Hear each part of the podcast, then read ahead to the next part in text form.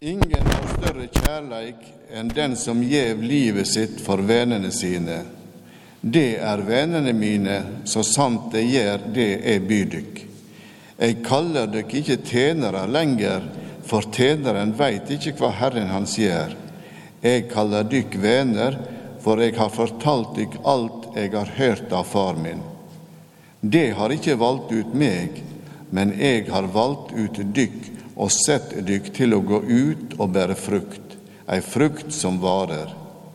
Da skal Far gi dykk alt det ber om i mitt navn. Dette er det jeg byr dykk, det skal elske hverandre. Slik lyder det hellige evangeliet. Dagens tekster går i dybda på Jesu kjærlighet til disiplene og den gjensidige kjærligheten disiplene imellom.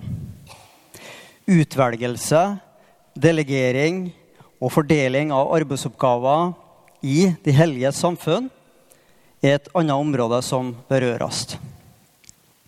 Allikevel er det noe overordna vemodig tenker jeg over Jesu ord og befaling i dagens evangelie. Assosiasjoner knytta til avskjed og overføring av visdom til nye generasjoner kristne. Det er sannelig en meningsfylt tekst vi kan lære mye av. Som sikkert en del av dere vet, så fungerte Jesus på en måte som en eh, jødisk rabbiner. Som lærer under hele den tida han vandra sammen med disiplene i bygdelagene rundt Galilea Genesaretsjøen. Det forstår vi av synoptikerne. Les f.eks. Markus 13 og Markus Matteus 24. Så forstår vi at Jesus underviser om hva som skal skje. Tempelet i Jerusalem skal ødelegges, og ei trengselstid kommer. Og vi vet jo i ettertid at så skjedde. Evangelieteksten Johannes gir leserne innsikt i at Jesu undervisning blir mer intens frem mot det siste måltidet. Altså innstiftelsen av nattverden. Han bryter brødet og gir dem å drikke vin av brødet, av begeret. På mange måter henter Jesus inspirasjon fra både antikken og Moses sin avskjedstale til israelsfolket i 5. Mosebok. Under det siste måltidet åpenbarer Jesus sin innsikt og instruerer disiplene. Undervisninga peker på Moses sin avskjed til Josva når Kanons land skulle inntas. Landet som fløyt av melk og honning. Det blir ramma rundt Jesu skjebne.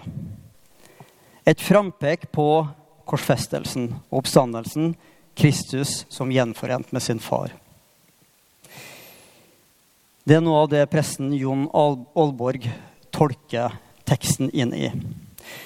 Nå skal disiplene gå frimodig ut i verden med evangeliet til frelse for alle folkeslag.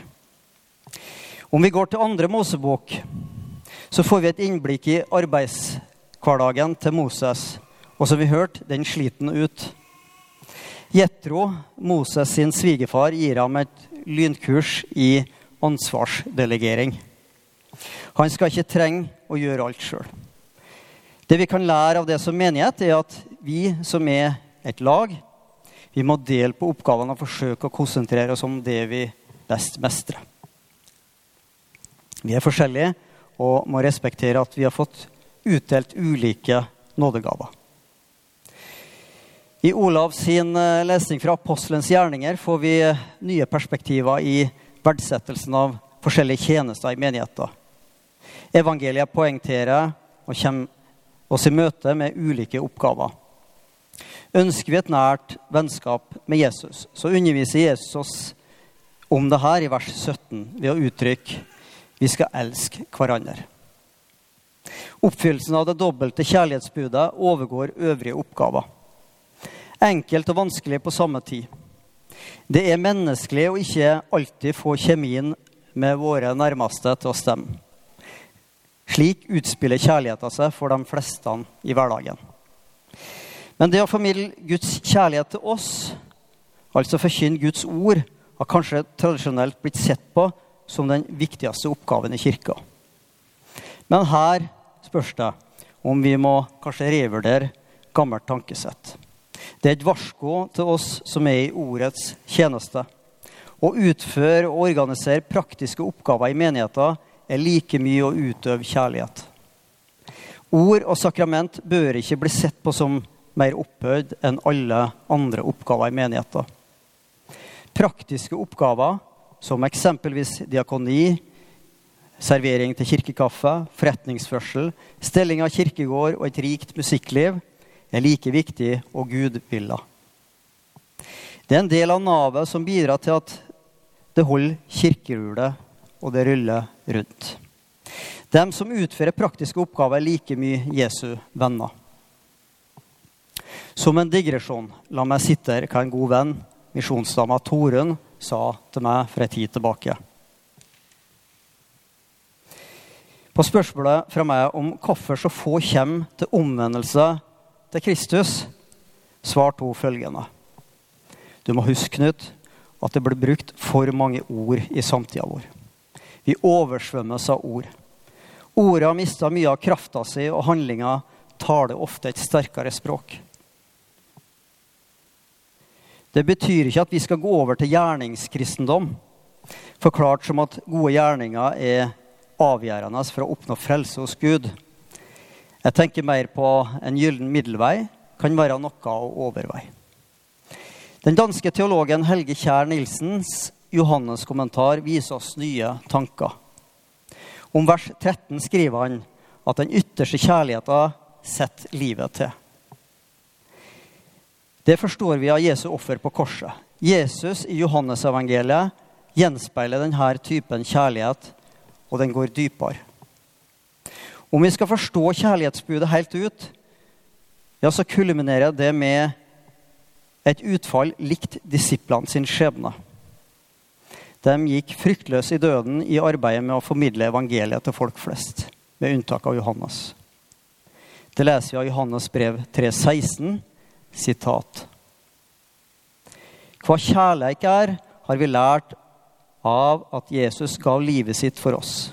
Så skulle vi òg å gi livet vårt for søsknene våre.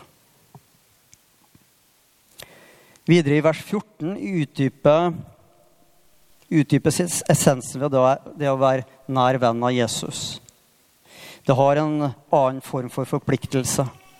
Det gjøres klart at et liv som disippel kun kan leves av den som henter kraft i hans kjærlighet. Vi må hente kraft i Jesu kjærlighet. Det forstår vi bedre når vi studerer andre Korinterbrev 12, hvor eh, den skriftlærde apostelen Paulus kommer med sine udødelige ord sitat, Min nåde er nok for deg, for krafta blir fullenda i veikskap. Slik blir vi sterk i vår svakhet. Ved å fastholde vår hengivenhet til Gud viser vi verden hvor den virkelige krafta kommer fra. I vers 15 snakker Kjær Nilsen om en ny væren. En ny væren og status som venner av Jesus. Det er noe vi har fått tildelt i frelsa, og det ligger implisitt i trua vår på Jesus.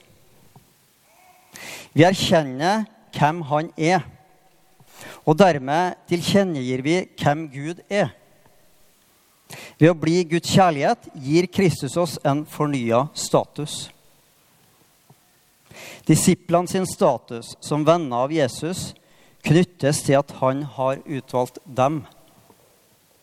Deres status skylder ikke deres egen innsats. Litt forut for vår tekst i dag får vi presentert et bilde av vintre. Innforstått Jesus er bildet på vintre. Og greinene er bildet på oss kristne menigheter. Men greinene trenger næring for å vokse og for å holde seg åndelig levende. Så hvor finner vi den næringa? Jo, mine venner, i nattverdssakramentet, som vi om litt skal innta. Nattverdssakramentet innstifta av Jesus nærer trua vår og fornyer stadig ånden i oss. Ved å bli værende i Jesu kjærlighet bærer vi frukt for Guds rike. Livet i det hellige samfunn er logisk forstått et fellesskap som henter sin kraft i det vi kaller Jesu omnipresens. Forklart som Jesu Kristi allstedsnærværende kjærlighet, som omgir oss, som tar bolig i oss og gir oss visdom og peker på Gud. La oss runde av noen ord fra profeten Jesaja i Det gamle testamentet, kapittel 27. Han innleder med følgende overskrift. Herren vaktar vingarden sin. Den dagen skal de seia, syng om den herlige vingarden. Eg, Herren, vaktar han, og vatnar han til alle tider. Eg vaktar han dag og natt, så ingen skal skada